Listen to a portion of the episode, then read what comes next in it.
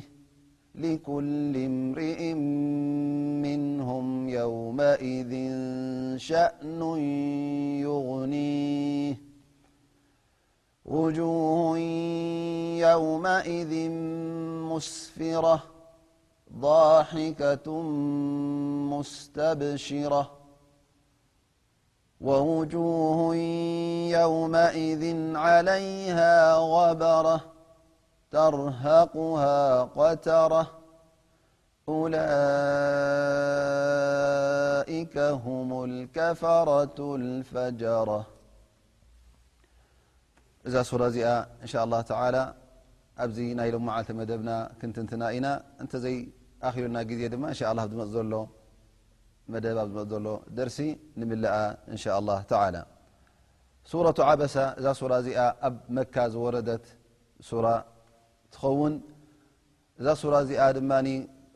ክትወርድ እንከላ ጠንቂ ወይ ሰበብ ነይርዋ ምኽኒታ ከኣ እነቢ صለ ላሁ ዓለይህ ወሰለም ሓደ ግዜ ገለ ካብቶም ሽማግለ ዝቁፀሩ ዓበይቲ ዓዲ ዝቁፀሩ ቁሬሽ ንዕኦም ናይ ዳዕዋ ሓበሬታ እናሃበ ከሎ እሞ ከዓ ንኸመስልሙ ሃንቀውታ ስለ ዝነበሮ ምስኦም እናተዛረበ ከሎ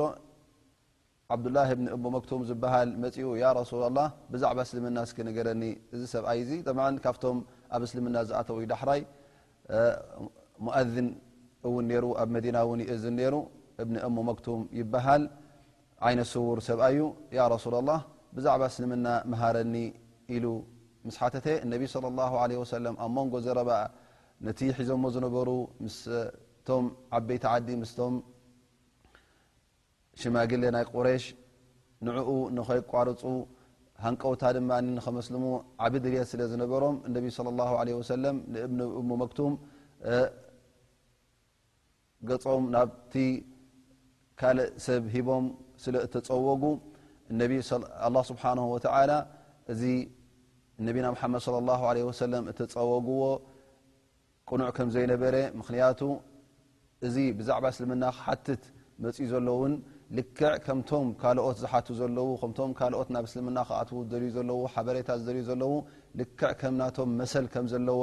ኣላህ ስብሓን ወተዓላ ንነቢና ሙሓመድ ስለ ላሁ ለ ወሰለም ሓበሬታ ንኽህብ እዛ ሱራ እዚኣ ኣውሪዱ ማለት እዩ ፈየቁል ላ ስብሓን ወተዓላ ዓበሰ ወተወላ ኣይ ሙሓመድ ስለ ላ ሰለም ነቢና ሙሓመድ ስለ ላ ሰለም ገጾም ተጸዊጎም ዝባኖም ሂቦሞ ንመን ነዚ ዓይነ ስውር እዚ ክሓትት ምስ መፀ ምስቶም ካልኦት ናይ ዳዕዋ ጎስጓስ የካይዱ ስለ ዝነበሩ እቲ እውን ይጠቅም ዝያዳ ኢሎም ወይ ከዓ ልቦም ኣድሂቦምሉ ዝነበሩ ስለ ዝኾነ ኣላ ስብሓን ወተዓላ በዛ ሱራ እዚኣ ገይሩ ንነቢና ሙሓመድ ለ ላ ለ ወሰለም መግናሕቲ ሂብዎም ማለት እዩ ኣንጃኣሁ ኣዕማ ወማ ዩድሪከ ለዓለሁ የዘካ ያ ሙሓመድ እንታይ ኣፍለጠካ ምናልባሽ እዚ ዘይተገደስካሉ ሰብ እዚ ዓይነ ስውር እዚ ቀዲሙ ቀልጢፉ ናብ ንጽህናን ናብ እስልምናን ይጓየ ይኸውን ከምኡ ውን እቲ ትህቦ ዘለኻ መዘኻኸርን እቲ ትህቦ ዘለኻ ስብከትን ምናልባሽ ነዚ ብዝያዳ ይጠቕሞ ይኸውን ምክንያቱ ንሱ ይሰምዓካ ክሰምዓካ ድልት ኣለዎ ንክቕበል ውን ባዕሉ ይሓትት ስለ ዘሎ ተቐባልነት ንክህልዎ እሱ ይቐርብ ነይሩ ስለዚ እዚ ባርያ እዚ እዚ ሰብ እዚ ግልጽ ኢልካ ክትሪኦ ነይሩካ መሰሎ ውን ክትሕልወሉ ነይሩካ ወማ ዩድሪካ ለዓለሁ የዘካ ምናልባሽ ይኣቱ ይኸውን ኣብ እስልምና ምናልባሽ ውን ነቲ ትብሎ ዘለካ ኩሉ ይቕበሎ ኸውን እቲኦም ግን ምቕባል ናቶም ኣብ ጥርጠራ እዩ ነይሩ ኣማ መን ስተغና ፈኣንተ ለሁ ተصዳ እቲ ብሃብቱን በቲ ዘለዎ መዝነትን ብኡ ዓጊቡ ንሱ ይኣኽለኒ ኢሉ እቲ ትቦ ዘለኻ ዳዕዋ ዘይግደስ እንተ ደኣ ኮይኑ ግን ነዚ ድማ እስኻ ኩሉ እንትናኻ ኩሉ ድኽመትካ ትህበሉ ኣለኻ ኣማ መን እስተغና ፈኣንተ ለሁ ተصዳ ወማ ዓለይከ ኣላ የዘካ እዚ ሰብ እዚ እውን ኣብ እስልምና ይእቶ ኣይእቶ መገዲ ህዳያ መገዲ ቕንዕና ይሓዝ ኣይሓዝ ናትካ ግዴ ኣይኮነን እቲ ግዴኻ ካብ መልእኽቲ ከተብፅሕ ጥራይ እዩ ዘለካ ስለዚ ሃንቀውታኻ እዚ ፍላን እዚ በዓል ሽመት እዚ ኩስቶ ስለምንታይ ዘይኣተወ ኢልካ ብዙሕ ኣይትሸገር ኢኻ። እቶም ሕራይ ኢሎም ዝቕበሉ ዘለዉ ጎስጓስ ናይ ዳዕዋ ጌርካሎም እተቐበሉ ጽቡቕ እንተ ኣበዩ ድማ ንሶም እዮም ዝውስኑ ደኣ እምበር ንስኻ ብሓይሊ ነትን ነትን ከተእቱ ኣይትኽእልን ኢኻ። እታ ግደ ናህካ መልእኽትኻ ምብጻሕ በላግ ምግባር ማ ዓለይካ ኢላ ኣልበላግ ወማ ዓለይካ ኣላ የዘካ።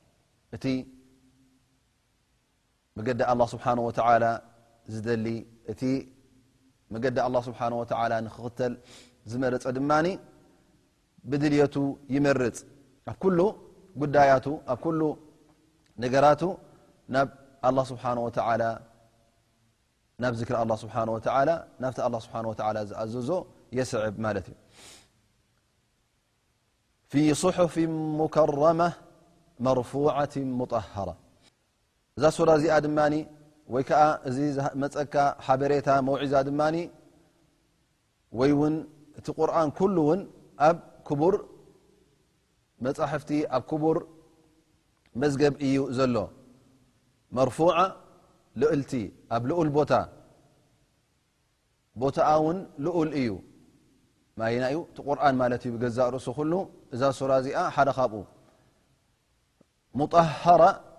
ንፁህ ማለት እዩ ካብ ምንታይ ካብ ኩሉ ጉድለታት ንፁህ ካብ ዝያዳ ውን ዝኾነ ይኹን ሰብ ክሕውሰሉ ከምዘይኽእል ክውስኸሉ ውን ከምዘይኽእል ስለዚ እዚ ቁርን እዚ ኣብ ሕልው ቦታ ሕልው እዩ ክትውስኸሉን ክትንክየሉን እውን ፈጺምካ ኣይትኽእልን ኢኻ። ብኣይዲ ሰፈራ፣ ኣብ ኢድ እቶም መላኢካታት እዩ፣ እቶም እሙናት ዝኾኑ መላኢካ። ኣላ ስብሓን ወተዓላ ሰፈራ ዝበሃሉ መን እዮም? እቶም መላኢካ። ሰፈራ ስለምንታይ ተሰሚዮም ይብሉ ዑለማ፣ ምኽንያቱ ከም ሰፊር ኮይኖም፣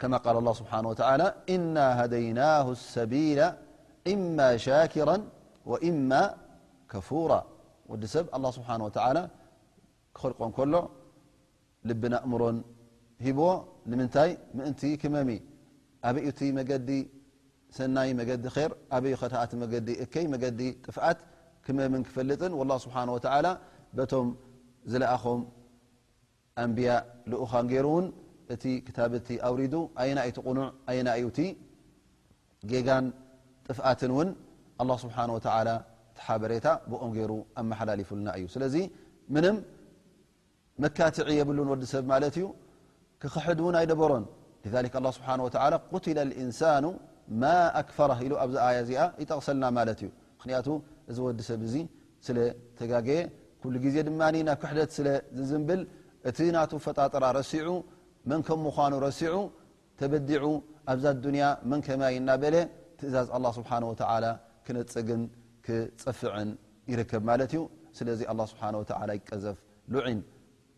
ይዋረድ ኣላ ስብሓን ወተዓላ ኢሉ ነዚ ወዲ ሰብ እዚ ረጊምዎ ማለት እዩ እቲ ዝርገም ዘሎ ግን ትክሒዳ እዩ ደኣ እምበር እቲ በዓል ኢማን እንተ ኮይኑ ግን እዚ ሰብ እዚ እዚ ሙእሚን እዚ ኣላ ስብሓን ወተዓላ ይፈትዎን ኣላ ስብሓን ወተዓላ ይውድሶን ይምጉሶን እዩ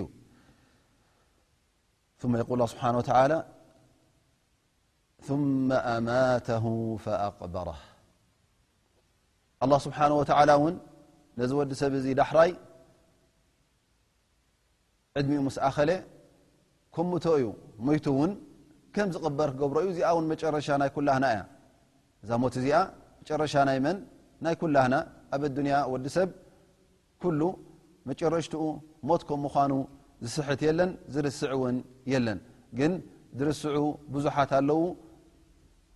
ፅባሕ ንግሆ ሞት ከም ዘላ ረሲዖም ኣብ ጌጋ እውን ዝወድቁ ኣለዉ ثመ ኢذ ሻء ኣንሸራ ኣላ ስብሓን ወተላ እታ ሞት እውን መጨረሻ ከምዘይኮነት እንታይ ደኣ ድሕሪ ሞት እውን ትንሳኤ ኣሎ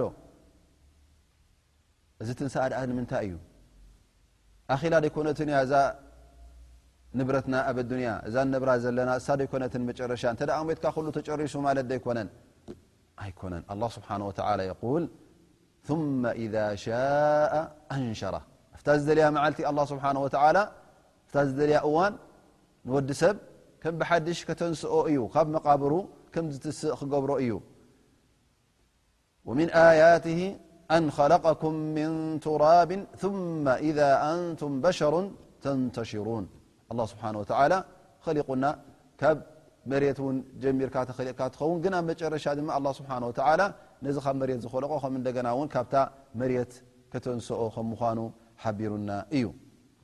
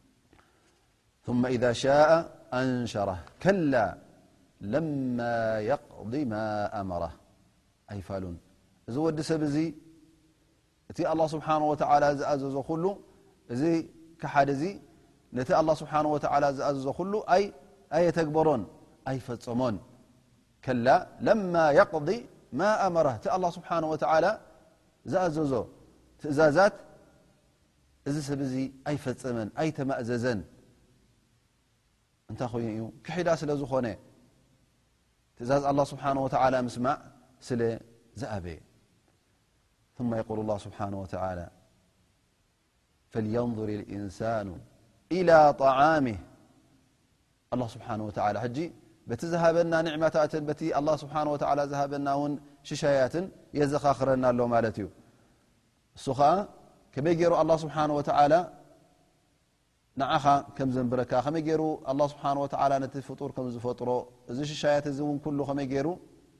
ኣብዚ ዓለም እዚ ከም ዘምፅኦ እሞ ኸዓ ከምቲ ግቡእ ምስጋና እዩ ዝግበኣካ እቲ ዝበካ ዘሎ ኣላህ ስብሓነሁ ወተዓላ ዘኪርካ ናብኡ ክትምለስ እዩ ዘለካ ክትክሕድ ኣይነበረካን ፈልየንظር ልኢንሳኑ ኢላ ጣዓሚ ገለ ኣብቲ ትበልዖ ዘለኻ እቲ ኣላህ ስብሓነሁ ወተዓላ ሂቡካ ዘሎ መግቢ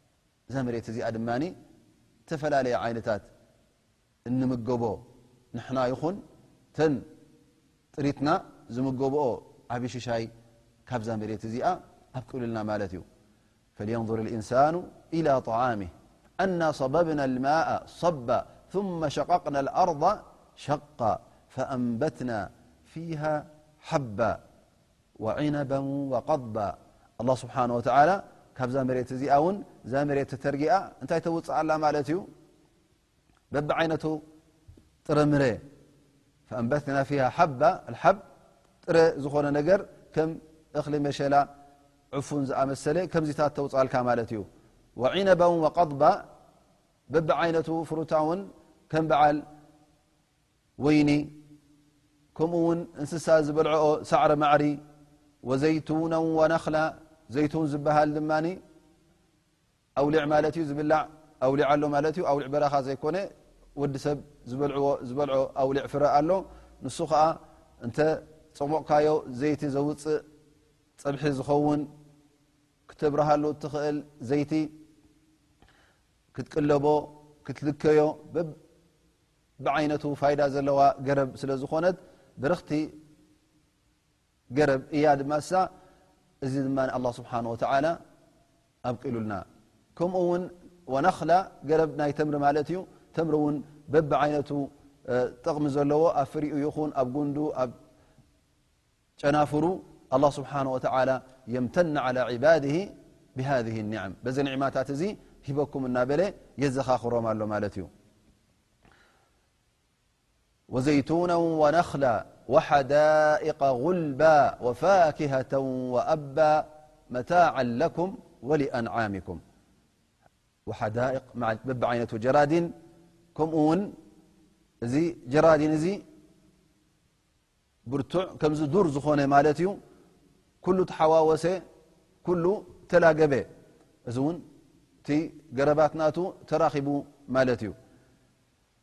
ወፋኪሀተ ወኣባ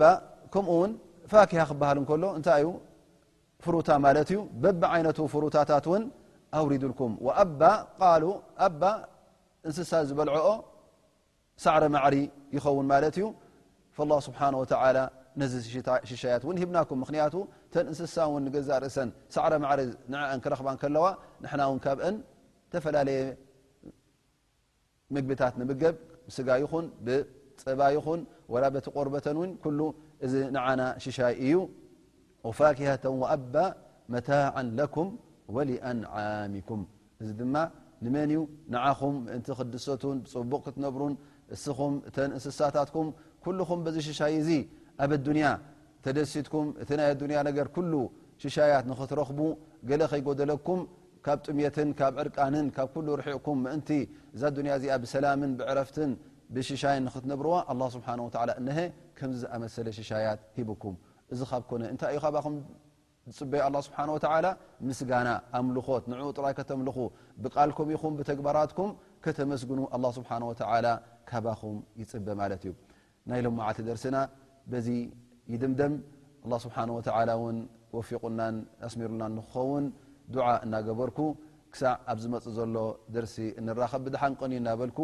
ኣሰላሙ ዓለይኩም ወራሕመት ላሂ ወበረካትሁ እብለኩም